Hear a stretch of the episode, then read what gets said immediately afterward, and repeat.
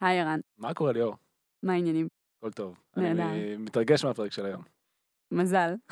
אפשר שתתרגש מכל פרק? אני מתרגש מכולם, פשוט מזה קצת יותר. וואלה. תכף נספר להם למה, אתה רואה? אבל זה סתם עכשיו מכניס לי friction יאללה, בהקדמה. תתחילי, תתחילי. היי כולם, הגעתם ל Startup for Startup, הפודקאסט שבו אנחנו חולקים מהניסיון, מהידע והתובנות שיש לנו כאן ב-monday.com וגם מחברות אחרות, והוא מיועד לכל מי שסטארט-אפ מדבר עליו, לא משנה באיזה כיסא הוא יושב ברגעים אלו. Startup for startup for.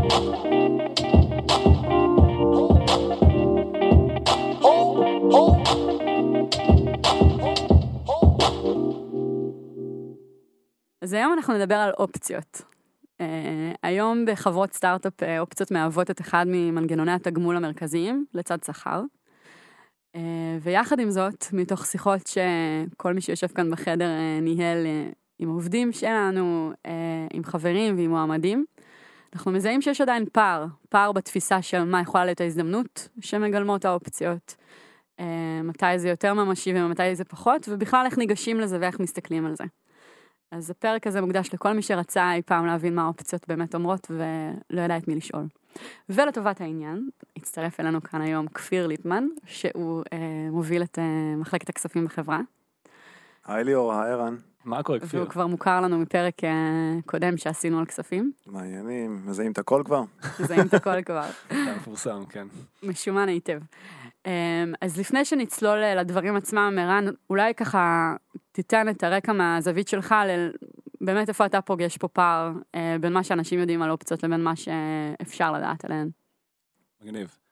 אמ, באמת הפרק הזה בעיניי הוא נולד מתוך איזשהו צורך שאני אני גם מרגיש כל יום. אה, אני מראיין המון אנשים, ואני קולט את כמות האנרגיה שאנשים משקיעים בלדבר על שכר, וכמה מחשבה יש לה מאחורי זה, ותכנון, וכמה מעט מבינים את הקטע של האופציות. אה, זה ממש מזכיר לי אה, נושאים אחרים בחיים, כמו נגיד פנסיה. זה מסוג הדברים האלה ש... אומרים לך שזה חשוב, חשוב שתבין מה זה, ואז אתה לא... שזה ישנה לך את החיים יום כן, אחד? ושנורא חשוב שתתכנן את זה ותבין את זה, ואז אתה מגיע לגיל 67, אתה פתאום כאילו מקבל את זה, ואתה אומר, fuck, הפתעה.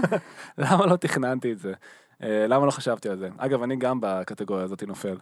אה, אבל באופציות, בעיניי אנשים לא מסתכלים על זה בצורה נכונה. אה, אופציה בעיניי זה, דבר ראשון צריך להסתכל על זה מבחינה פיננסית בתור בן אדם. אנשים באים לעבודה ומרוויחים משכורת חודשית, אבל let's face it, משכורת חודשית לא תשנה לך את החיים. אתה תרוויח איקס כסף בחודש, כנראה גם שאתה תוציא איקס כסף בחודש, תשמור על רמת חיים מסוימת, ואופציה זה משהו שיכול לשנות לך את החיים. ואנשים צריכים לה- להבין את זה מבחינה פיננסית, ואני חושב שיש פה עניין של סיכון וסיכוי שאנשים לא מבינים אותו. אה, זה כמו שאם עכשיו אני, אם הזכרנו פנסיה, אז אני אבוא לסוכן פנסיה שלי ואני אגיד לו, את כל הכספים שאני חוסך תשים לי בפק"ם שעושה ריבית של חצי, חצי אחוז בשנה. אז הוא יגיד לי, למה? כאילו, אתה מסתכל פה 40 שנה קדימה, תשקיע את זה בבורסה, תשקיע את זה בנדל"ן. יש איזה סיכון, נכון, אבל הסיכוי הוא גבוה, זה יכול לעשות לך תשואה של 10 אחוזים, 15 אחוזים בשנה, אז שווה לך לקחת את הסיכון הזה. או איזשהו סיכון. אולי זה איזשהו גם משהו סיכון. שאנחנו באמת נדגיש כאן בפרק, שיש כל מיני רמות סיכון שאפשר לקחת, זה לא סיכון כן. נקודה. כן. אה, בעיניי, לא לקחת סיכון זה הסיכון הכי גדול שאתה יכול לעשות בחיים, באמת. אנשים חושבים שהם הולכים על הסייף סייד, הם, הם לא יכולים להפסיד, אבל בעיניי זה, זה הקטע, אתם זה ההפסד. מפסידים. כן. זה הקטע. אה, ואופציות זה, זה משהו שכן, יש לו סיכון.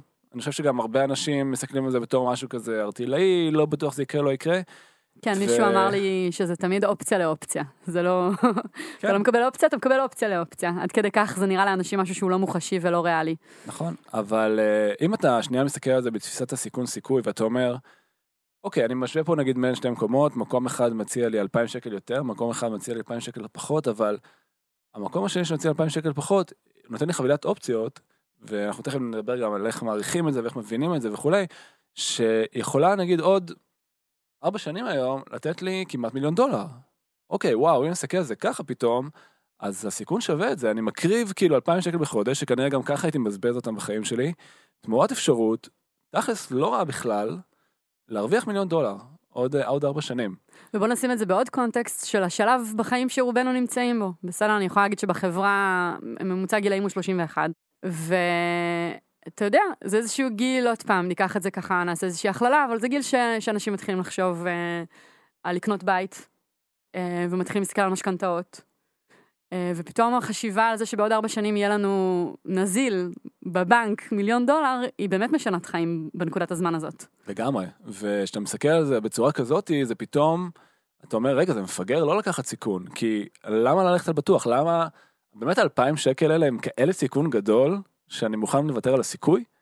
זה פתאום מכניס לך איזושהי פרספקטיבה של וואלה, ואני אולי טיפה יותר שמרנית ממך, ואני אגיד, לא יודעת אם זה מפגר או לא מפגר, כל עוד. כל עוד האדם מודע לזה שזה מה שהוא משאיר, זה הסיכוי שהוא משאיר על השולחן, זה משהו אחר. נכון. כי אנחנו כרגע, הפרק הזה מוקדש לזה שאנשים אפילו לא מבינים שזאת האופציה שהם משאירים על השולחן. קשה להם להעריך את הסיכון, וקשה להם להעריך את הסיכוי. נכון. אז בוא נגיד שהמטרה שלנו בפרק היא לא לשכנע אף אחד ללכת על חבילות אופציות בכל מקום ו- ולשאול רק על אופציות ו- ולשכוח מהשכר, אלא פשוט להבין איך להסתכל על זה בצורה נכונה ולקבל החלטה כל אחד מה שמתאים לו בחיים, כן? לגמרי. אה, כן, לגמרי. כפיר פה, שהוא מאוד אה, אוהב לשנוא סיכון, אה, מחייך כן, ומהנהן. אני- אני החלק היותר אה, שמרן פה בשלישייה, אבל... יותר שמענו ממני, אתה אומר. יותר שמרן אפילו מליאור, ואני כן מסכים עם הגישה הזאת שצריך להכיר איפה, איפה, איפה יש חברות שהן יותר מסוכנות, איפה יש חברות שהן פחות מסוכנות, ולפחות להבין למה נכנסים. ולפעמים הסיכון הוא באמת לא, לא כל כך גדול לעומת ה upside שיכול להיות. כן. אגב, זה לא החברות שמסוכנות, זה הסיכון על ה upside, זה צריך להדגיש. נכון. ובאמת, אז עוד מילה על מה שנעשה כאן הפרק היום, אז אנחנו באמת ממש בעוד דקות בודדות ניכנס לאיזשהו סשן אה, ממוקד, אה, שבו ניתן את כל המונחים שמישהו צריך כדי להיות מסוגל לנתח את חבילת האופציות שהוא מקבל. ואחר כך, אה, אחרי שנזכור כל מיני סינאריוז למימוש אופציות ו- וסיטואציות שונות שקיבלנו עליהן שאלות ספציפיות, גם ממש נתמקד בכלים שאפשר, שכל אחד יכול לקחת לבד, כדי לנסות ולהעריך ולעמוד את ההזדמנויות שעומדות בפניו, כשהוא מתלבט בין שתי חברות שהוא יכול לעבוד בהן לצורך העניין. בעיניי תוצאה מדהימה של הפרק הזה יכולה להיות, אם איכשהו כל האנשים שאנחנו נגיע אליהם, אה, יסתכלו בצורה שונה על, על, על, על הקריירה שלהם, על ההזדמנויות שיש להם, ואיך הם מערכים חברות, זה יהיה בעיניי מדהים, כי אני ממש רואה את הפער היום, ואם אנחנו נצליח איכשהו לגשר עליו, זה יכול להיות לזה אימפקט מטורף. יאללה, אמן. אז דבר אחד אחרון שאני אגיד זה שגם יש מצגת שמלווה את, ה, את הפרק הזה, באמת בשביל לתת כמה שיותר ערך, אז אנחנו עכשיו עוברים לשקף מספר 2. וערן, אני רוצה שנתייחס שנייה, דיברנו על ההזדמנות הפיננסית, אבל אולי תיתן ככה מילה בתור פאונדר של חברה על, על ההזדמנות הארגונית שיש במנגנון הזה שנקרא אופציות. במה הוא שונה משכר, מה, מה זה מאפשר? אופציות זה מנגנון שיש לו המון יתרונות. אה, ברמה הכי בסיסית, זה קושר את ההצלחה של החברה עם כל העובדים בחברה. תמיד מדברים על זה שפאונדרים מקימים את החברה ויש להם חלק בחברה, אבל זה הזדמנות בעצם לשתף את הדבר הזה, את הגורל הזה, שיוצאים אליו בדרך, את המסע הזה, עם כל העובדים בחברה. בעצם זה אפשרות לתת לעובדים מניות, אה, כחלק מהחברה, שממש שותפים, לא רק ברמה של הנה אנחנו עובדים בחברה ומקבלים שכר, אלא שותפים פיזית, זאת אומרת הם בעלי מניות בחברה, זה מאוד מאוד משמעותי. ומבחינתי המשמעות הכי גדולה של זה, זה שמעבר להרגשה הזאת של הנה אנחנו בונים משהו ביחד ויש לי גם חלק בתוך העוגה הזאת, זה שביום שיש איזשהו אירוע של, לא יודע, אקזיט, הנפקה, אה, כל דבר כזה או אחר, אז בעצם ההצלחה של החברה זה גם הצלחה של כל העובדים, זאת אומרת, הם מגיעים למעמד שאני לא יכול לתאר את זה אחרת, אני, אני מנסה לדמיין חברות אה, שהיו מחלקות אופציות בעבר, צריך לזכור שזה מנגנון לא כזה ותיק, אז הייתה נמכרת חברה ענקית, וה founderים היו באיזה אקסטזה אני מניח מהמכירה, וכל העובדים כזה, אוקיי, מה, מה איתנו? וזה, אני, זה נראה לי הרגשה נוראית להיות בה. והעובדה שאם מחר יקרה משהו לעסק וזה ישפיע פה על כל העובדים בחברה בצורה מדהימה, היא, היא, היא אדירה. כאילו, זה, זה שותפות הצלחה, שותפות גורל אמיתית. Uh, מהצד של החברה זה, זה כלי מאוד מאוד uh, uh, חזק בשביל לייצר uh, retention של employees. Uh, בעצם אופציות זה דבר שאנחנו חולקים אותו לגבי, בדרך כלל ארבע שנים, ככה זה לפחות אצלנו. Uh, ומה שזה בעצם uh, מוסר, המסר שזה מעביר בעצם לעובדים זה, אנחנו רוצים אותך פה ללונגרן, אנחנו רוצים אותך לארבע שנים, בינינו זה לא כזה לונגרן, אולי בשביל הדור שלנו זה נשמע הרבה. אה, אבל אה, אז אתה אומר לו, תקשיב, בוא תעשה דברים עם הסתכלות שהיא טווח רחוק, ולא מחר בבוקר. כן, ויותר מזה זה כאילו, אתה יכול לעזור, לקח בחשבון שיש פה עוד דאונס על זה שאתה עוזב, אה, כשאתה מוותר על חלק מהאופציות שלך, וזה דרך מבחינתנו גם אה, להסיר איזושהי שותפות ומערכת יחסים דו צדדית סביב הנושא הזה. אני חושבת שיש עוד דבר אחד אחרון, שהיו בתקופה האחרונה הרבה כתבות על זה שענקיות כמו אמזון אה, מגיעות לארץ ובעצם מציעות שכר ששום חברת סטארט-אפ לא יכולה להתחרות איתו למפתחים. אני חושבת ש, שזה באמת אולי המנגנון הזה ש, שכן שמור לנו כחברת סטארט-אפ, והוא ה-unfair advantage שלנו ב- בהקשר הזה. כן, אמ, גם, גם חברות שהן ציבוריות יש להן אפשרות לחלק מניות, אבל אה, המניה יכולה לזוז ב... לא יודע, אנשים שעוקבים אחרי הבורסה ב-2%, 10%, זה לא משהו שמשנה חיים. אז המשפט שלך, ערן, באמת מוביל אותנו ישירות לחלק הבא, אה, שבו בוא נבין שנייה בעצם מה זה אופציה. אוקיי, אז- כפיר, המיקרופון אה, אז- אז אופציות.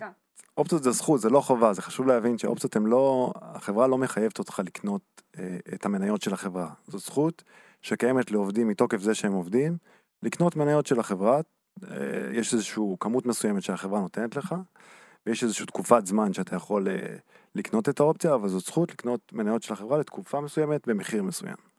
אז נתנו כאן בשקף 4 איזושהי דוגמה מאוד בסיסית רק כדי להמחיש את הנקודה של מה זה חברה ומה זה מניה. אז, אז בוא נדבר על מה זה חברה, דבר ראשון. אז חברה, מחר, נגיד אנחנו שני פאונדרים שמקימים חברה, שני יזמים, ומקימים חברה. אה, החלטנו לפתוח סטארט-אפ, סטארט-אפ X. אה, ובעצם באותו רגע חותמים על כל מיני מסמכים, ויש אה, מסמכי תאגיד וכולי, ולכל חברה יש מניות. מניות זה בעצם איזושהי כמות שאנחנו מקצים בתוך החברה. אה, לצורך הדוגמה שלנו, נגיד מיליון מניות. אנחנו רואים שלחברה יש מיליון מניות. וזה מספר רנדומלי, מיליון? כן, שמקימים תראי, חברה? מה זה רנדומלי? אני לא אבחר אה, איזשהו מספר אה, הזוי כזה, אבל בדרך כלל בוחרים איזשהו מספר עגול. זה יכול להיות מיליון, זה יכול להיות 10 מיליון, זה יכול להיות 100 מיליון, זה יכול להיות 100 אלף. אין לזה, זה יכול להיות גם 663, אבל כנראה שלא. אה, ובעצם המספר הזה הוא מייצג את השלם. המיליון מניות מייצגות את המאה אחוז. עכשיו אם אנחנו שתי, שני פאונדרים לצורך הדוגמה, ואנחנו חולקים את החברה 50-50, אז כל פאונדר בעצם יחזיק 500 אלף מניות לצורך הדוגמה ביום הקמת החברה. ועכשיו, אה, אמרנו בוא נגיד אנחנו נקצה איזופ. שני הפאונדרים אומרים, אני לא מדבר בכלל על גיוס כספים וכולי, אבל בשביל פשטות הדוגמה, אומרים, 10% מהחברה אנחנו רוצים להעניק לעובדים לאורך זמן. אז זה אומר שלוקחים 10% מתוך המיליון, שזה 100 אלף אה, מניות, וצובעים אותם לאיזופ. אנחנו אומרים, את ה-100 אלף מניות האלה אנחנו הולכים לחלק לעובדים לאורך זמן, ואגב זה מדלל את ה founderים, זאת אומרת, ה-100 אלף האלה יורדים מה founderים, כל אחד מה founderים עכשיו יחזיק 450 אלף, ביחד 900 אלף, כש-100 אלף שמורים בעצם לעובדים. אה, דבר אחרון אני רוצה להגיד שלמניה יש מחיר. אז אה, אם נגיד מחר נמכור את החברה בחמישה מיליון דולר, אז זה משקף מחיר למניה של חמישה דולר. זאת אומרת, אמרנו שיש מיליון מניות, חמישה מיליון דולר מכרנו את החברה, אז ה price per share הוא חמישה דולר. אה, ואז בעצם המניות של העובדים, כל אחד לפי כמות המניות או האופציות שהוא קיבל, יכול לדעת מה, כמה הוא הרוויח בעצם מהטרנזקציה לצורך העניין. אמרת עכשיו מניות או אופציות. כן. כדי שלאף אחד לא יהיה ספק, מה ההבדל בין מניות לאופציות. אז בדוגמה של ערן, 100 אלף אופציות למעשה זה אותן אופציות שיקצו לעובדים לאורך, אה, אה, לאורך התקופה ש, שהם יעבדו, או עובדים נוספים שיצטרפו לחברה, הם יקבלו אופציות מתוך אותו פול שהפאונדרים הקצו לטובת הדבר הזה. עכשיו, אה, אה, כדי להבין טיפה את הטרמינולוגיה של כל העניין הזה, יש כמה מושגים שלפי דעתי הם מאוד חשובים, אה, שהם סופר קריטיים שבאים לחתום על הסכם של אופציות או, או להבין את העניין. אז יש, יש את התאריך שמעניקים את האופציה. התאריך שמעניקים את האופציה זה ה-date of grant, זה למעשה התאריך שבו הבורד יתכנס והחליט להעניק לעובד את האופציות.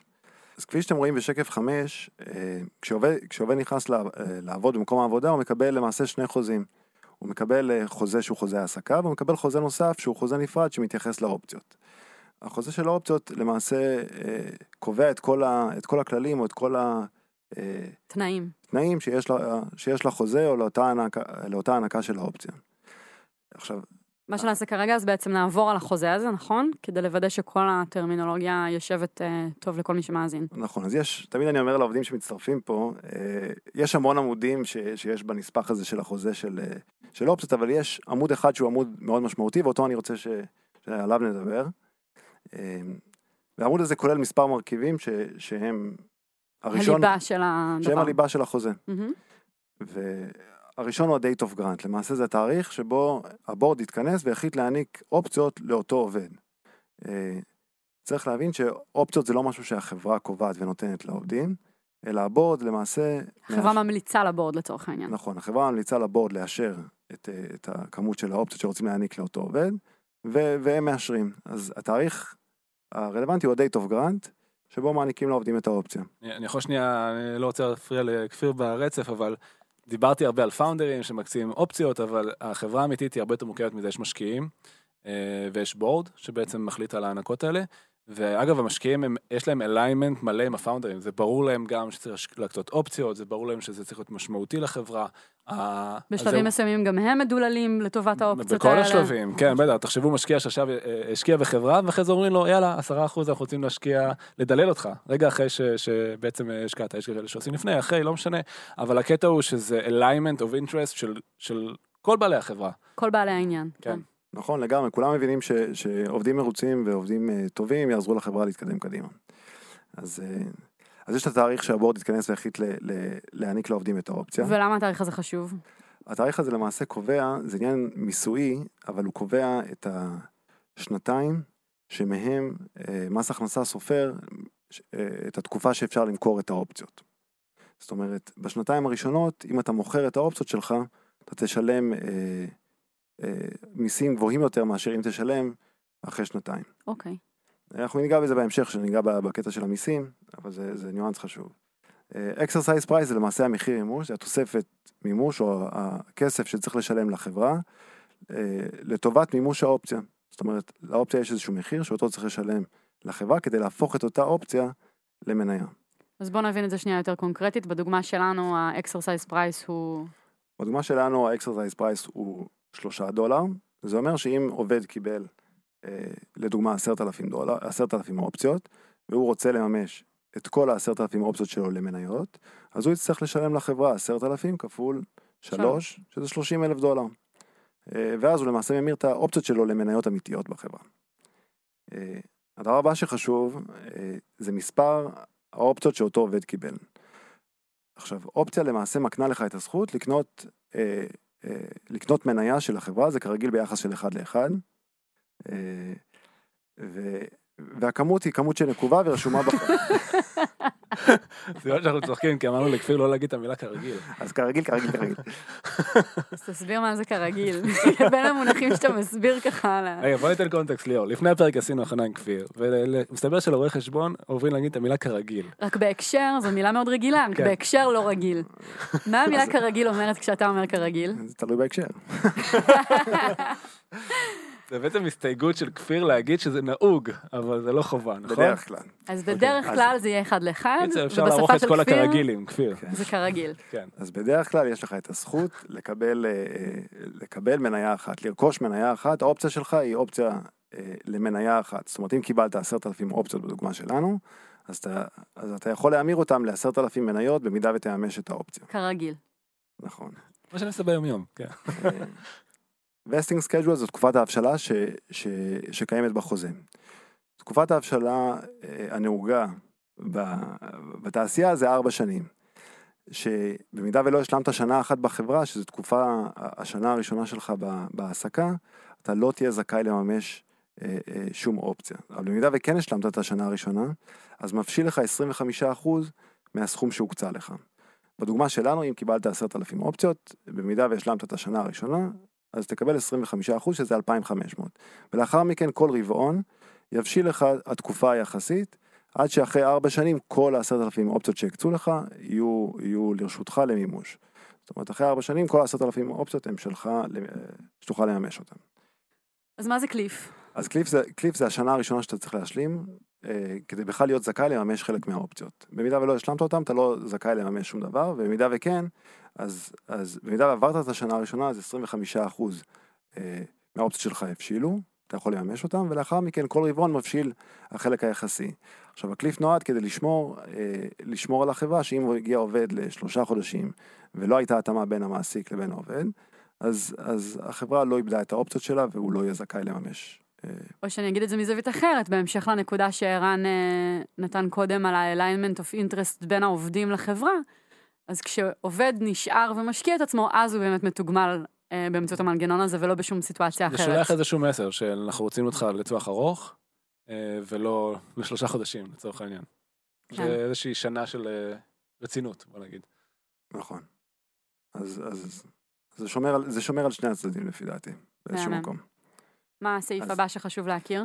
אה, והדבר האחרון שרציתי לדבר עליו זה ה-exercise period, שזה למעשה, אה, למעשה התקופה, לכל אופציה בכלל באופן כללי יש, יש, יש תאריך תפוגה.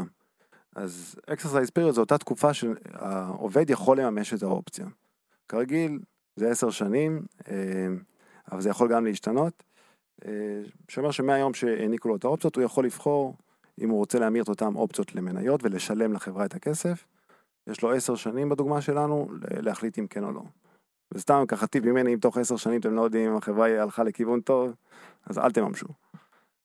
שאלה אחת בעניין הזה, נאמר שאדם עובד בחברה אה, כבר שנתיים, והוא רוצה בשלב הזה מאיזושהי סיבה להמיר חלק מהאופציות למניות, לממש את האופציה שלו. זה מנגנון אפשרי וקיים? להמשיך לעבוד בחברה? יש סיבה לעשות זה דבר כזה? אפשר, תתייחסו לזה. רגע. אין, אין, סיבה. יש סיבה לא לעשות דבר כזה? יש סיבה לא לעשות את זה, כי מממשים את האופציות כאשר רוצים להיפגש עם כסף, או כאשר עובדים, את, או, או כאשר עוזבים את מקום העבודה.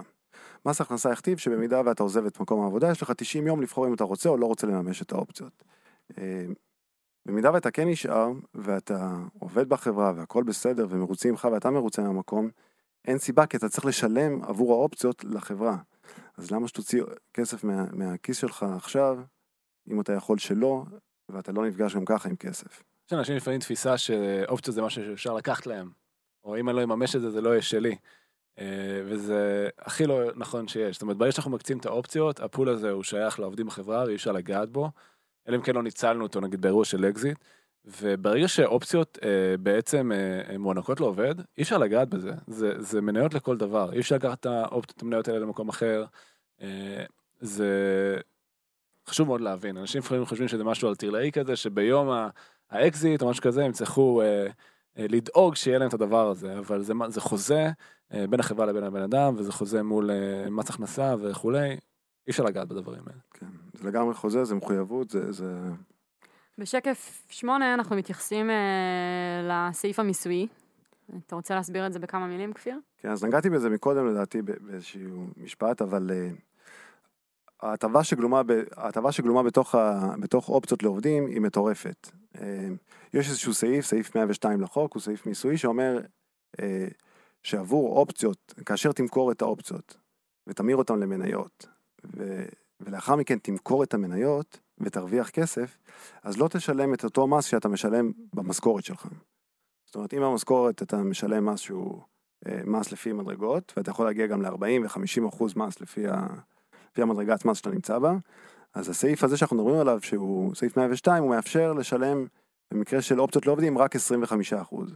עכשיו, רק, זה הטבה מטורפת, זה כאילו זה... בוא נבין שנייה למה זו הטבה מטורפת. האפסייד שאנחנו מדברים עליו מתוך מימוש של אופציות אה, ומכירה של מניות הוא באמת במספרים שמגיעים למדרגות המס הגבוהות ביותר. זאת נכון. הנקודה החשובה אולי לא להבין צריך כאן. הרבה, צריך להרוויח 50 אלף שקל בשביל נכון, לפגוש את וזה, מדרגת המס. וזה ה upside, אבל זה, זה יהיה 50 אלף ומעלה. כלומר, אם ניקח שנייה לשם השוואה את אותו סכום הכסף ונקבל אותו במשכורת, נשלם עליו 50 אחוז בהכרח. לגמרי. ועכשיו אתה בא ואומר בעצם שיש הטבה של מס הכנסה, שמאפשרת לי לקבל את הסכום הזה ב... נכון, 25. נכון, אפילו אם ניקח דוגמה מספרית קלה, אם מישהו, סתם דוגמה, מקבל לו משכורת שלו מיליון שקל, והוא צריך לשלם 50 אחוז מס, אז, אז הוא נשאר עם חצי מיליון. לעומת מישהו שמימש את האופציות שלו ו- וקיבל מיליון שקל, אז הוא יישאר בסוף בכיס עם 750 אלף, כי הוא שילם רק 25 אחוז מס.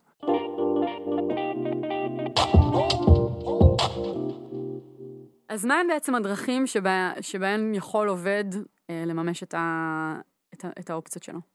אחלה. אז גם פה אני חושב שיש פער גדול בין uh, מה שאנשים תופסים uh, בתור uh, אפשרות ליהנות בעצם מהאופציות לבין מה שקורה היום בפועל.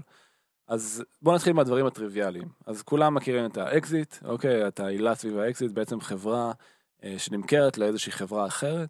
ובאירוע הזה, אז בעצם חברה קונה חברה אחרת בסכום מסוים. לצורך העניין, 100 מיליון דולר, וזה בעצם הסכום שמשקף את שווי החברה באותו רגע נתון, כי מישהו היה מוכן לשלם את הדבר הזה. אה, אבל זה אופציה אחת. אופציה שנייה זה בעצם הנפקה, IPO. יש חברות ישראליות שכבר עשו IPO. רגע, רגע, רגע. אוקיי, אוקיי. מה קורה במצב של אקזיט לאופציות של עובד? אוקיי, אז, אז במקרה של האקזיט, אפילו אני אקח את הדוגמה שציינתי, 100 מיליון דולר, חברה נמכרת. אז בעצם, אפילו אם אני, אני אסתמך על הדוגמה שהייתה מקודם, אז היה לנו מיליון מניות, אה, וכל מניה שווה 100 דולר. אז אני יכול עכשיו לקחת את האופציות שלי, אה, לממש אותן, ובעצם למכור את כל האופציות שניתנו לי במחיר של 100 דולר לאופציה, או למניה, לצורך העניין, במקרה הזה. ואני כנראה מאוד עשיר מהדבר הזה. אוקיי, אז זה נגיד אירוע של אקזיט, שבו נגיד משלמים cash, או cash ומניות, לא משנה, החברה הרוכשת בעצם נותנת תג מחיר לחברה. אה, זו אופציה אחת. אופציה שנייה היא... מה זה אומר cash ומניות? זה אומר שיש סיכוי שהעובדים יקבלו מניות בחברה החדשה? כן, יש כל מיני סוגים של רכישות. יש רכישות שהן נטו cash, זאת אומרת, חברה קונה חברה רק במזומן. אני הפרק הזה שואלת שאלות תם כדי לא. שאפשר יהיה לתת לכולם את ה... כן. אה, תם זה לא, ליאור, אבל אה, כן. אה, אז יש אפשרות של רק קאש, שבעצם החברה משלמת במזומן. תמיד מדמיין אה, אה, מזוודות של מזומן, אבל זה העברה בנקאית. אה, ויש אופציה שזה הרבה מאוד חברות עושות, שזה בעצם חלק מהעסקה בקאש וחלק מהעסקה במניות. הרבה מאוד מהחברות האלה הן חברות פרטיות או ציבוריות, ובעצם המניות האלה או שכירות בבורסה, או שיש אפשרות למכור אותן אחר כך. לא ניכנס לכל הדיטיילס, אבל בסוף האופציות שלך שוות כמו האופציות של הפאונדרים וכמו האופציות של המשקיעים, כרגיל. אז זה נגיד אופציה אחת. אפשרות שנייה לעשות, בעצם לפגוש את הכסף, זה דרך הנפקה. אה, IPO, יש כבר חברות ישראליות שעשו IPO, יש המון חברות בסיליקון וואלי שעשו IPO. בעצם IPO זה לקחת את החברה מחברה פרטית לציבורית, ובעצם מה שזה אומר בפועל, שהציבור יכול לקנות מניות. מה שזה אומר למעשה זה שאתה יכול למכור לציבור, ואתה בתור בעל מניות או בעל אופציות יכול לממש את האופציה ולמכור את המניה שלך כמו כל אחד אחר שמחזיק מניות בחברה. האופ... המניות שלך שכירות בעצם. וזה כבר תלוי, המחיר כבר תלוי במצב של החברה, לפי המחיר של המניה של החברה, זה, אפשר לראות את זה בכל אה, תוכנת אה, מניות, אה, וזה מאוד מאוד פשוט. אוקיי? יש אומנם כל מיני מגבלות, כמה זמן אחרי הנפקה וכולי, אבל בגדול זה ה scenario. עכשיו, זה נשמע כמו שני דברים מאוד רחוקים.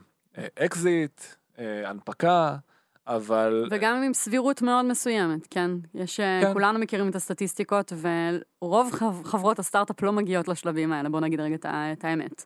אה, כן, החברות שמצליחות כן, ואני גם מדבר על איך לזהות אותם, אבל יש עוד, יש עוד תרחישים אה, בעצם שאנשים אה, יכולים לממש אופציות ולפגוש את הכסף. אפשרות אחת אה, זה טרנזקציה שנקראת סקונדרי. אז לדוגמה, אה, קרן הסיכון אה, רוצה להשקיע בחברה, היא, היא נגיד אומרת אני משקיע בחברה 50 מיליון דולר, אה, תמורת מניות, והכסף הזה, בעצם ה-50 מיליון דולר נכנס לקופה של החברה. החברה מחר יכולה להשתמש בכסף הזה בשביל לצמוח, בשביל לגייס אנשים וכולי. זה טרנזקציה שנקראת פריימרי, שזה רוב הגיוסים שבעצם אנחנו שומעים עליהם בעיתון. יש עוד אופציה שבעצם עושים סקונדרי. סקונדרי זה עסקה בין אה, משקיעים או בעלי עניין לבין אה, בעלי מניות בחברה. לצורך העניין, אני יכול, אה, או עובד בחברה, יכול מחר למכור את האופציות שלו, את המניות, למשקיעים. עכשיו ההבדל הוא שהכסף לא ייכנס לחברה, אלא ייכנס לאותו עובד. אה, לצורך העניין אנחנו בתור מאנדיי בסיבוב האחרון, אה, שגייסנו 50 מיליון דולר, אז אה, הקצינו בנוסף ל-50 מיליון דולר שדיווחנו בעיתון איזשהו סכום שאפשרנו לקבוצה בתוך החברה למכור חלק מהאופציות שלהם. הדרך שבה בחרנו את ה... חלק מהמניות. כן, חשוב שנייה חלק ליישר קו מהמניות. שאנחנו תמיד מוכרים מניות. נכון, אנחנו מוכרים תמיד מניות, הם בעצם מימשו חלק קטן מהאופציות שלהם, מכרו אותם למניות, ופה היה לנו חלון יחסית קטן, אז בחרנו לפי ותק, אנשים שהיו בחברה מעל איקס זמן, זאת אומרת קבוצה קטנה של אנשים שהייתה, אבל יכול להיות שבתור אסטרטגיה, גם בגיוסים עתידים אנחנו הולכים לתת אה, לקבוצה הרבה יותר מורחבת, אה, למכור עוד מניות, כי זה איזושהי דרך שלי אה, לנהל סיכונים. אני גם אומר, החברה שלנו רצה קדימה, אני רוצה שלעובדים הוותיקים פה תהיה אפשרות לממש חלק מהאופציות שלהם גם במסגרת העבודה שלהם פה. כי זה איזשהו חלון הזדמנויות מוקדם יותר לנזילות בעצם. נכון. עכשיו זה לא חייב להיות... והווין ווין, אה, רגע בוא נבין שנייה מתי זה בכלל קורה, כי, כי ברוב המקרים כשחברה מגייסת כסף היא כן רוצה את הכסף לקופה שלה. נכון. כן, אז אה, צריך להבין שזה לא, לא חייב להיות קשור לגיוס פריימרי, כן? אני, מחר החברה יכולה להחליט שהיא מוכרת, אה, אה, עושה סיבוב סקונדרי ומציעה פה לעובדים למכור בלי קשר לזה שאם היא רוצה לגייס כסף או לא. כן, אבל what's in it לחברה? למה החברה מוכרת אז- בכלל אז, אה, אה, יוצאת למכירה כזאת? אוקיי, אז, אז פה זה עניין של ניהול סיכונים. נגיד, אה, לצורך העניין, יש פה עובדים שנמצאים פה 4-5 שנים, ויש להם אופציות, ואומנם אנחנו מכוונים נגיד ל-IPO, וזה יקרה עוד 3-4 שנים, וזה תלוי בתנאי השוק וכולי, אנחנו רוצים לתת להם לנהל סיכונים. אה, הם יותר רגישים לכסף, המשקיעים פחות, המשקיעים רוצים כסף עוד הרבה מאוד שנים, אנחנו נותנים להם בעצם אפשרות למכור חלק מה... לא את הכל, כי אז אה, לא נשאר להם סיכוי, אלא חלק מה, מהמניות שלהם, מהאופציות שלהם, תמורת כסף, ואז ככה הם מנהלים את הסיכון אצלם. אה, עוד אופציה אחרונה שאני רוצה להגיד, שזה לא חייב להיות בהכרח אה, קרנות הון סיכון. יש היום גם אה, אה, כל מיני כלים בשוק הפרטי, חברות שמוכנות לקנות אופציות מעובדים. אוקיי? אמנם יש כל מיני תנאים וכל מיני אולי discount שהם רוצים לקבל, אבל בסוף צריך להבין שהאופציות שיש לך הן שקולות למניות, והמניות האלה שוות כסף, גם אם החברה היא פרטית. ויש אנשים שרוצים לקנות את ה... לפעמים לקבל access לאיזשהו סטארט-אפ מאוד מאוד מגניב שלאף משקיע לא יהיה אפשרות לגשת אליו, כי אה, החברה הזאת לא מגייסת, אבל דרך עובדים, יש לו יכולת בעצם אה, להיות בעל מניות בחברה. וזה מאוד מאוד מעניין. bottom line, מה שאני רוצה להגיד, זה שיש הרבה אפשרויות אה, לפגוש כסף. אה, זה לא רק באקזיט, זה לא רק ב-IPO. זה לא הכל או כלום. כן, ואפשר גם לנהל סיכונים ולעשות אה, אה, מימוש לחלק מה, מהאופציות תוך כדי. מגניב. אז עכשיו שהבנו אה, מה זו אופציה, אה, מה חשוב לדעת על מסמך האופציות שמקבלים, אה, ואיך בעצם אופציה הופכת לכסף ממשי, בואו ניקח רגע איזושהי דוגמה יחסית ריאלית, מספרית, וננסה דרכה להמחיש את הפוטנציאל שגלום בתוך הסיפור הזה. ובוא ניקח את כל הטרמינולוגיה שדיברנו עליה עד עכשיו ונארוז אותה. בדוגמה שאנחנו נדבר עליה, מחיר מניה, אה, המחיר מניה הוא 100 דולר. מה זה אומר? זה אומר שהמחיר בשוק שיצטרך לשלם מישהו שרוצה לקנות מניה אחת בחברה, הוא 100 דולר. עכשיו צריך להבין שלכל חברה, גם אם היא ציבורית וגם אם היא פרטית, יש מחיר למניה. יכול להיות אה, גבוה, נמוך, והוא תלוי בכל מיני דברים, אבל יש מחיר, אה, גם לחברות פרטיות יש מחיר למניה. אז המחיר מניה הוא 100 דולר, התוספת מימוש בדוגמה שלנו היא 3 דולר, זאת אומרת זה המחיר שאותו עובד שרוצה לממש את האופציה יצטרך לשלם כדי להמיר את האופציה למניה. אה, זה 3 דולר, והכמות אופציות שאנחנו אה, נדבר עליה היא 10,000 אופציות. כלומר, עשרת אלפים אופציות זה מה שיש לאותו העובד. נכון. עכשיו בוא נניח שהעובד אה, עבד ארבע שנים בחברה והוא רוצה לממש את כל הארבע, את כל העשרת אלפים אופציות שהוא קיבל. אז למעשה הרווח הפוטנציאלי שהוא יכול, אה, שהוא יכול לעשות הוא עשרת אלפים אופציות, כפול ההפרש בין המחיר מניה, אותו מחיר שמישהו בשוק צריך לשלם, לבין המחיר שהוא צריך לשלם, שזה שלושה דולר. אז 100 פחות 3 זה 97 דולר, כפול 10,000 אופציות, הוא יכול לעשות פוטנציאלי 970 אלף דולר.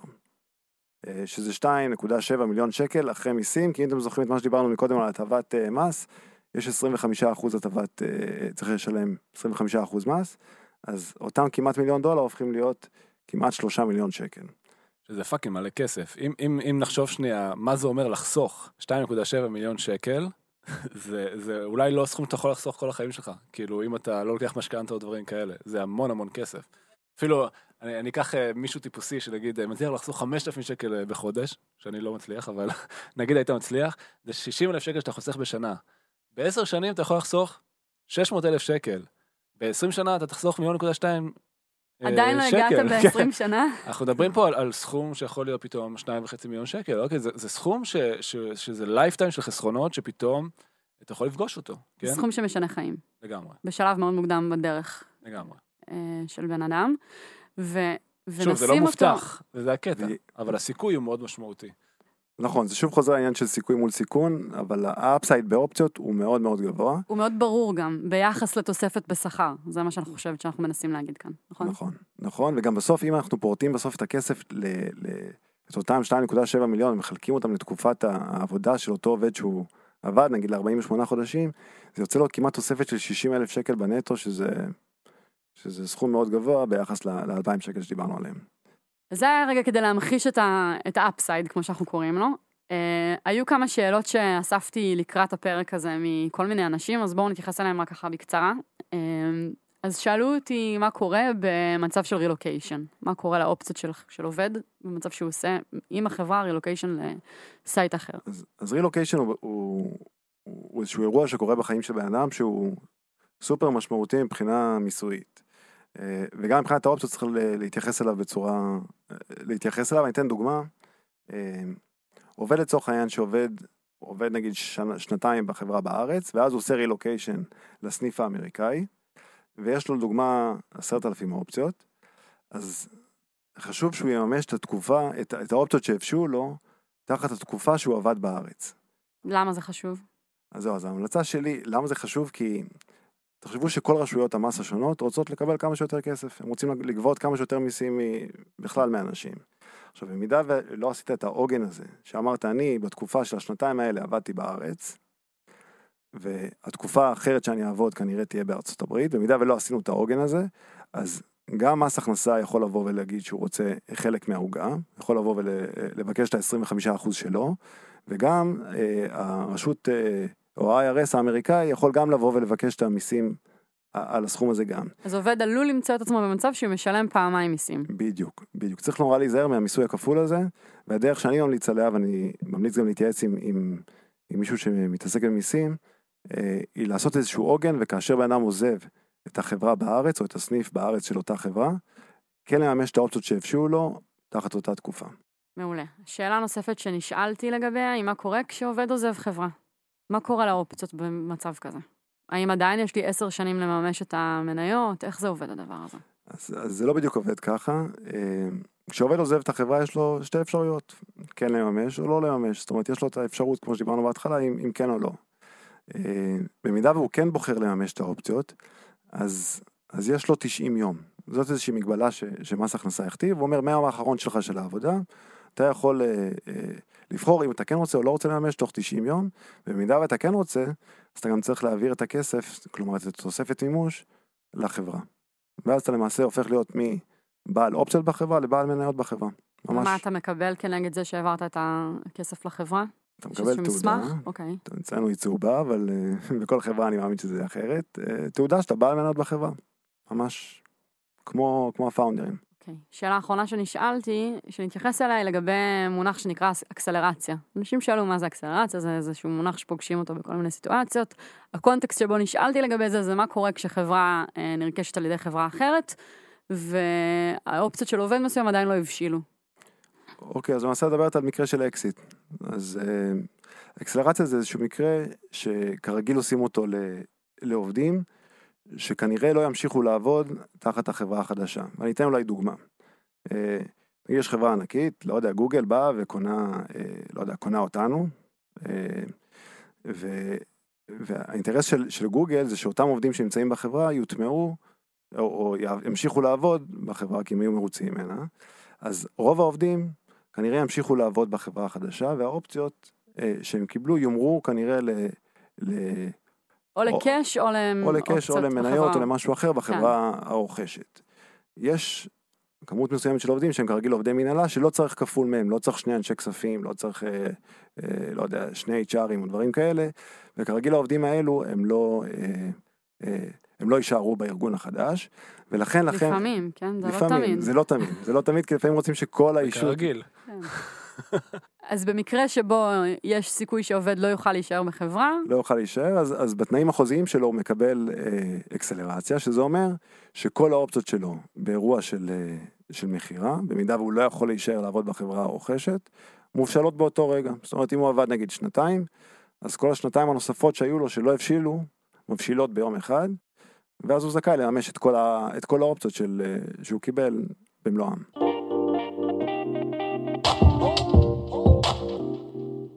אז, אז הגענו לחלק שבעיניי הוא קריטי מתוך הסיפור הזה. אני רוצה לצייד את uh, מי שמחר הולך לחפש עבודה ומתראיין באיזושהי חברה עם כלים, uh, ובעיניי זה כלים להעריך את האפסייד. אוקיי, בסוף, כשאתה מקבל הצעת עבודה, דיברנו על כל הנושא של הערכת סיכון מול סיכוי, אז את המשכורת אתה מבין מאוד מאוד טוב. לי חשוב uh, לתת את הכלים של להבין מה ה upside, זאת אומרת להבין מה הסיכוי בתוך הדבר הזה. אחרי זה ניתן גם כלים להעריך מה הסיכון, אבל קודם כל נעריך מה הסיכוי. אז דבר ראשון, וזה בכל חברה שבהם אה, אתה, אתה אמור לקבל אופציות, אז יש שני פרמטרים שהם חלק מהחוזה של האופציות.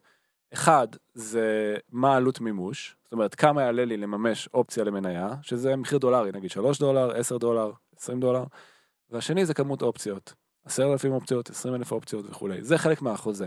אז זה שני פרמטרים שדבר ראשון צריך להבין. מה כמות האופציות?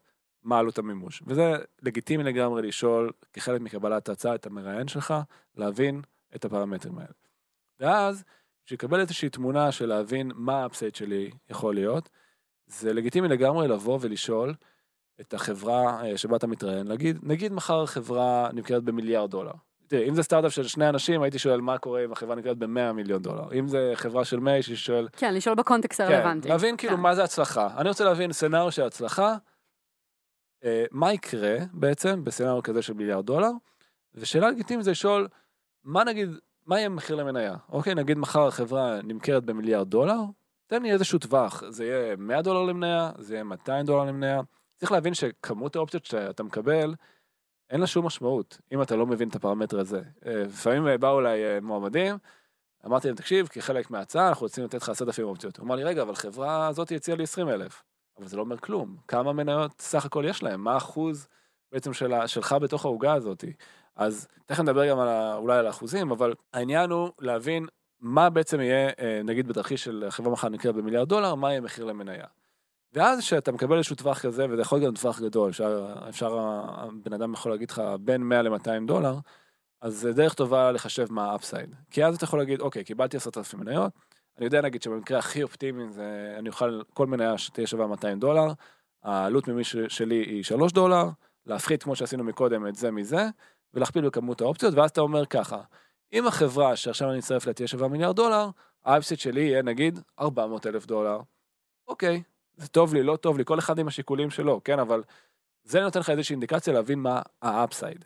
זה מאוד מאוד חשוב להבין מה יקרה במקרה של הצלחה. זאת אומרת, מה יהיה ה upside שלך, על איזה סכום מדובר. אם אתה עושה את כל החישובים האלה ואתה רואה, אוקיי, אז uh, מהאופציה שלי יצא לי 10,000 דולר, אז זה לא משמעותי, תכלס. ואז אולי כנגד, אה, זה, זה עוד פעם, זה עשרת אלפים דולר תחת סיכון, ואז באמת אולי זה, זה מצב שבו מישהו אומר, אוקיי, עדיף לי כבר לקחת עוד 500 שקל בחודש, כן, באפס סיכון. כן, הוא יקבל את זה אבל למקום מושכל, הוא כאילו יבין מה, בדיוק. שיכול להיות לו ומה על מה הוא מהמר. בדיוק. עכשיו, יש, יש איזושהי נטייה של אנשים ל- אה, לשאול, לפחות אני נתקלתי בכמה זה באחוזים. ואני נמנע מלענות על השאלה הזאת, כי לא בגלל שאני לא רוצה לחשוף, אני עונה על כל שאר השאלות, אבל אין לזה הרבה משמעות, אני רוצה שנייה להסביר למה. אה, ולדעתי גם בגלל זה חברות לא, לא מדברות על זה בצורה הזאת. יש שתי סיבות. האחד, זה שאני לא יכול לדעת כמה אחוזים יהיה לך ביום של האקזיט. מהיום עד היום של האקזיט החברה תעבור דילולים, יכול להיות שהחברה תגייס עוד כסף, אה, יכול להיות שאנחנו נקצה עוד אופציות לעובדים, נגדיל את ה pool, ואז זה ידלל שוב את כולם. והאחוז שיש לך היום הוא לא אחוז שיהיה לך ביום המפגש עם הכסף. מה שכן, כמות המניות שיש לך, לא תשתנה. היא תישאר לאורך כל הזמן. המניות האלה צבועות על השם שלך. כמות המניות בחברה אולי תעלה, אבל כמות המניות שיש לך בתור בן אדם, תישאר אותו דבר. ועם זה אני יכול לעבוד, אני, אני לא מבטיח משהו שהוא לא נכון. ו, ו, ושם אני יכול לתת טווח של מה יהיה מחיר, מחיר המניה נגיד ביום שאנחנו נמכור את החברה. דבר שני, שזה לדעתי לא פחות חשוב, זה שלאנשים קשה לעמוד את, ה, את האחוזים. נגיד אני עכשיו פוגש איזשהו מועמד, ואני אומר לו, תקשיב, אתה הולך לקבל 0.0012% מהחברה. זה נשמע ממש מעט, אבל בחברה של מיליארד דולר זה יכול להיות שווה חמישה מיליון דולר הדבר הזה, אוקיי? אז בעיניי שזה משהו שהוא life changer לכל בן אדם. אז אחוזים סימבולית נשמע כמו איזה פרקשן מאוד מאוד קטן מהעוגה, כי אנשים לא תופסים מה זה מיליארד דולר, אנשים לא תופסים, מה זה שני מיליארד דולר. גם אחוז מאוד מאוד קטן מהדבר הזה הוא, ש- הוא סכום שהוא משנה חיים. אני חושב שגם ב... שחברות שעושות, שעושות אה, סבבי גיוס, אז יש מחיר שהוא מחיר שמישהו היה מוכן לשלם על המניות שלהם. אז אתה פחות או יותר יודע, אם אתה שואל, אתה פחות או יותר יודע איפה החברה עומדת. זאת אומרת, אם אנחנו נגיד גייסנו 50 מיליון דולר, אז, אז מישהו היה מוכן לשלם עבור החברה איזשהו מחיר למניה. אז, אז אפשר לשאול איפה החברה נמצאת היום, פחות או יותר. ו... אה, ואז להבין גם מה ה upside שיכול להיות לך מזה. זאת אומרת, לאן החברה מכוונת, כמה היא רוצה לגדול. זה, זה גם עוד, עוד, עוד טריק, זאת אומרת, אם נגיד אומרים לך, תשמע, אנחנו לא יודעים כמה נהיה במיליארד, אפשר לשאול, תגיד, הסיבוב האחרון אה, שעשיתם, סיבוב גיוס אחרון, איזה מחיר למניה? כן. כן, לתת איזושהי אינדיקציה, מהמם. בעצם, לאן זה הולך. אוקיי, אז הבנו מה הסיכוי ואיך אנחנו נבין בדיוק מה הסיכוי, או בקירוב מה הסיכוי, אבל יש אה, פרמטר לא פחות חשוב, והוא בעצם להבין מה הסיכון שחברה מגלמת. עכשיו, הסיכון של כל חברה משתנה מכל מיני פרמטרים. אה, זה תלוי בשוק שהחברה נמצאת בו, זה תלוי בקצב הצמיח, הצמיחה שלה, יש ככה סדרה של שאלות שבעצם חשבנו שחשוב שכל אחד ידע לשאול כשהוא מסתכל על הזדמנויות שעומדות בפניו, ומתוכן ידע להעריך מה הסיכוי מול הסיכון של אותה החברה להצליח, נכון? נכון, נכון לגמרי. אז עכשיו אנחנו בעצם נזכור כמה מהדברים האלה. אז באמת הדבר הראשון ששווה להתייחס אליו זה שיעור הצמיחה של חברה. עכשיו, חשוב להגיד שזה פרמטר, ש- שוב, זה לא מספרים מוחלטים, אבל זה איזה שהן אינדיקציות שלפעמים אפשר למצוא אותן גם ממש במידע ציבורי ו- ו- וכתבות על החברה. זאת אומרת, לא חייבים ממש להגיע למצב שמתראיינים בחברה כדי להבין פרמטרים שקשורים ל- ל- ל- לשיעור הצמיחה שלה. אני אתן דוגמה קונקרטית, למשל, בכמה עובד, עובדים החברה מגייסת ברגע נתון, נותן איזושהי אינדיקציה על שיעור צמיחה. עוד לפני שדיברנו עם מישהו בחברה, אנחנו כבר יכולים להבין מהדבר הזה, האם חברה נמצאת בצמיחה כרגע או לא. נכון, יש מלא, אני מסכים עם ליאור לגמרי, יש מלא סממנים חיצוניים שאתה יכול פשוט להסתכל כתבות, יש המון חברות היום שמשתפות, המון מידע, גם אנחנו משתפים המון כתבות על, על מה עשינו, גיוסים וכולי, ובכתבות האלה אנחנו מציינים לא מעט מידע על, על כמות העובדים שיש לנו, אה, אם פתחנו משרד חדש או דברים כאלו. מתוך, ה, מתוך הכתבות האלה, אם אתה קורא בסוג של עין ביקורתית כזאת, אתה יכול לקבל המון מידע, והמידע הזה הוא, הוא, הוא סופר רלוונטי לה- להחלטות האלה שאנחנו מקבלים. זאת אומרת, זה, זה פשוט עוזר לך. נתון נוסף ששווה להסתכל עליו הוא, הוא הסבבי גיוס שהחברה עשתה. פעם אחת, שוב, כמה אבסולוטית כסף גויס. אה, וגם אם לפעמים המספרים שמפורסמים בכתבות הם לא מדויקים, הם תמיד אינדיקטור, והוא מספיק טוב אה, עבור מה שאנחנו מנסים לייצר כאן כרגע.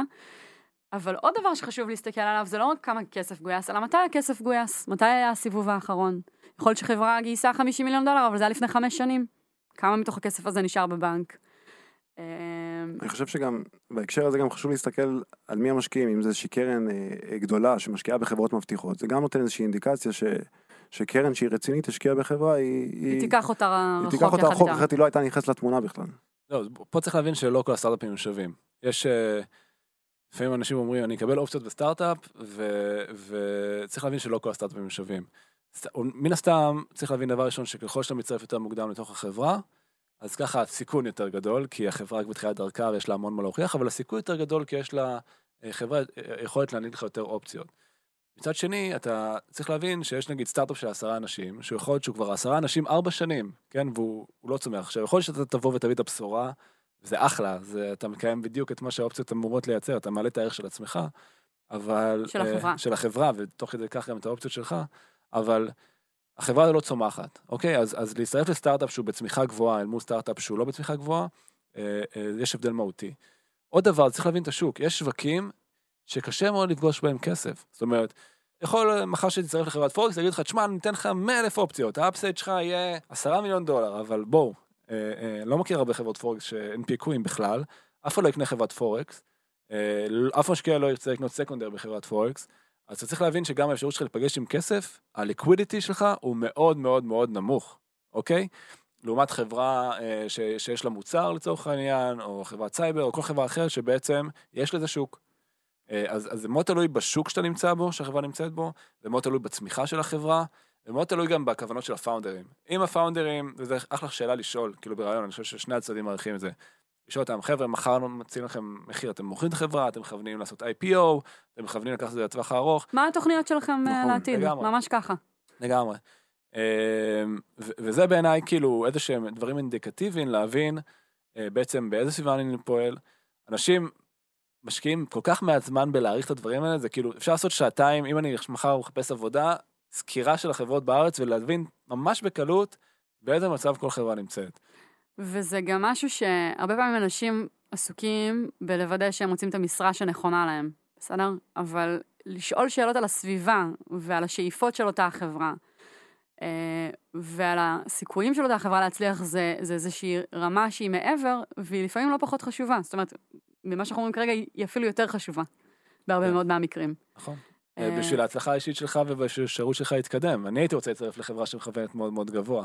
זה שזה גם upside כלכלי זה מאוד משמעותי, אבל זה כל, כן, נכון, אולי גם שווה באמת להגיד שכל השיחה הזאת על שאיפות וכל השיחה הזאת על הצלחה, הצד הפיננסי הוא, ה- הוא באמת ה upside במלוא מובן המשמעות של זה, זאת אומרת, הוא, הוא נלווה לזה שאתה חלק ממשהו שעזרת לבנות אותו כרגע, וחלק ממשהו שמצליח ומשנה איזושהי תעשייה, וחלק מחזון גדול יותר שאתה עוזר לו להתממש. כן, אף אחד לא מצטרף לחברה בגלל אופציות, אבל אה, אם אתה תצליח והחברה תצליח, אז זה הולך יד ביד. בדיוק, אה, כולם ייהנו מזה. בדיוק. עוד דבר שאמרנו שאפשר לעשות, שכפיר גילה לנו שאפשר לעשות, זה ממש לברר ברשם החברות. כן, נכון, הרבה חברות לא, לא חושפות את כמות המניות שיש להם, אז אני אומר, זה מידע שהוא גם ככה ציבורי. אתה נכנס לרשם החברות, רושם את השם של החברה ומופיע לך כמות המניות. אז זה מידע שהוא חשוף לכולם ואפשר אה, ממנו להסיק אה, כל מיני מסקנות לגבי... או שתיקח את זה עם grain of salt, כי זה הרבה פעמים לא, לא מעודכן. זאת אומרת, חברות אה, משנות מאוד אה, בדחיפות את מספר המניות שלהם, והרבה פעמים רשם החברות לא, לא מעודכן במספרים. נכון. כתוב שם מאיזה שנה כתוב תאריך המספר עדכון הזה, אחרון. אוקיי, אז זה כן. גם עוזר, כן. כי אתה יכול להסתכל על מה היה הסבב הגיוס האחרון של אותה חברה, אה, ומתוך זה להסיק לאותה נקודת זמן. לגמרי. אה, כששוב אנחנו אומרים, זה לא מידע אבסולוטי, אבל זה אינדיקטורים. אה, ועוד דבר שבטח בישראל שלנו הקטנה תמיד עובד, זה פשוט לשאול אנשים אחרים שעובדים בחברה. לא צריך לשאול כמה המניות שלי יהיו שוות יום אחד, אה, או כמה זה אלף אופציות ביחס לאחרים, אפשר פשוט לשאול מה העניינים, איך הולך לכם. אני לא מכירה אנשים שישקרו על הדבר הזה. כשמישהו עובד בתוך חברה, הוא יודע אם החברה במצב טוב או לא במצב טוב, וזה אינדיקטור מאוד בסיסי ל... אני חושב שאנחנו גם תעשייה קטנה מדי, כאילו בסוף אם משהו טוב אז, אז יודעים עליו, ואם משהו פחות טוב אז גם על זה יודעים, אז כאילו זה אחלה טיפ בעיניי. אמ, לדעתי אנחנו באיזושהי נקודת זמן באקוסיסטם הישראלי, אה, שאנשים מתחילים להבין את זה. אה, בסיליקון וואלי לדוגמה, התעשייה הרבה יותר בוגרת בהקשר הזה.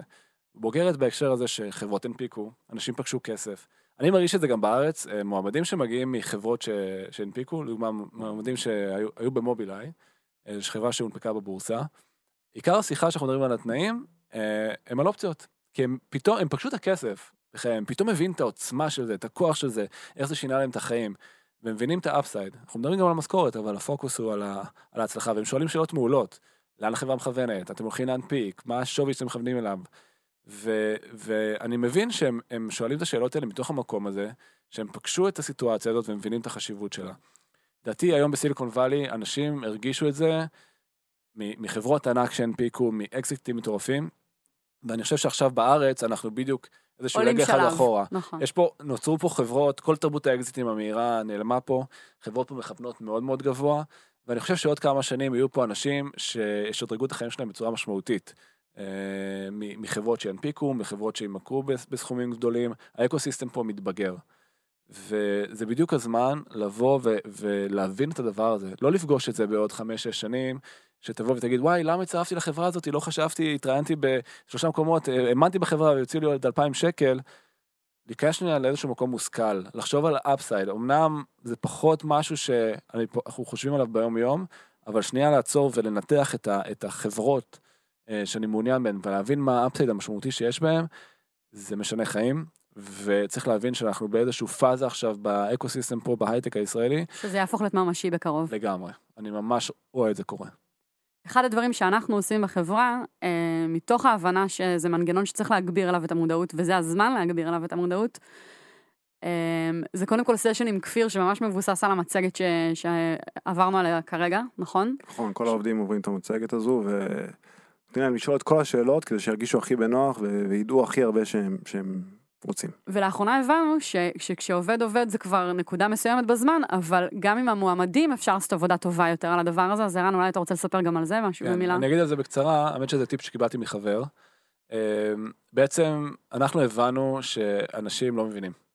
אה, ואז אנחנו ניסינו לקחת, לעשות את המקסימום מהצד שלנו, בשביל שישקלו את ההצעה שלנו אל מול הצעות אחרות. זה שיגע אותי, ממש שיגע אותי, שמישהו הלך לחברה אחרת שהיא לא אנחנו, זה קרה לנו כמה פעמים בעבר, בגלל איזשהו פער במשכורת. ואני אני תופס את הראש, לא בגלל שבא לי את הבן אדם, שזה גם באסה, אבל אני אומר, הוא לא מבין מה שאני מבין. כאילו, אני חייב שהוא יבין, הוא לא מבין מה אני מציע לו, וזה שיגע אותי.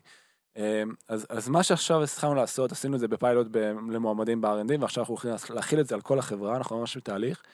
שבעבר, שמישהו התראיין פה, אז אנחנו שלחנו לו אה, הצעת עבודה במייל. אה, משכורת עם כל התנאים וכמות האופציות שבעצם הוא הולך לקבל. וזה הייתה התקשורת. היום, מה שאנחנו עושים, אנשים שבעצם אנחנו רוצים להביא לחברה, אנחנו מביאים אותם לפה, מבקשים מהם לבוא, נותנים להם הצעה. הצעה זה בעצם, דבר ראשון להסביר כן את המשכורת וכולי, ואת כל ה-social benefits, אבל דבר שני, זה לדבר על האופציות. עכשיו, זה לא רק לעשות את ההרצאה הזאת. אני, אני בא ואני אומר, תקשיב, אתה מקבל איקס אופציות בכזה איקס מימוש. בוא נראה, אנחנו מכוונים את החברה אה, למקום הזה. מה יקרה אם אנחנו מחר ננפיק את החברה במיליארד דולר? מה יקרה אם ננפיק את החברה בשני מיליארד דולר? בוא נסתכל על השוק שלנו, בוא נבין ממש את ה ecosystem. תרחישים למימוש. תרחישים. אני רוצה שהוא יבין את ה upside. ואז אני, בלב שלי שקט, שאני אומר, הוא מבין את המשכורת, הוא מבין את ה upside, עכשיו שילך לעשות איזה החלטה שהוא רוצה, זה כבר up to him. עוד פעם, מסיבות נוספות, כן? כי זה לא הפרמטר היחיד שכל אחד בוחן. כל אחד מה שמתאים לו, אבל לפחות... אתה יודע שהוא נת- יודע. כן, אני יודע, אני, אנחנו מתקשרים לו את ה upside, וזה בעיניי הכי חשוב בתוך הדבר הזה. וזה, וזה הטיפ שאני יכול לתת. אם מישהו מרגיש ש, שאנשים לא מבינים, אם מישהו מרגיש שהם לא מבינים את ה upside של הדבר הזה, פשוט בוא נתקשר את זה. אה, וזה יעזור לכולם לדעת להעריך יותר טוב את ההזדמנות שיש להם ולקבל החלטה מושכלת מהמקום הזה. אז אנחנו מסיימים כאן. אז אם יש למישהו שמאזין עוד שאלות בנושא, אנחנו יותר מנשמח לענות עליהן. אה, וזהו, כפיר, תודה רבה שהצטרפת היה אלינו לי כיף שוב. איתכם. תודה ערן, תודה ליאור. תודה שהאזנתם. startup for startup for startup.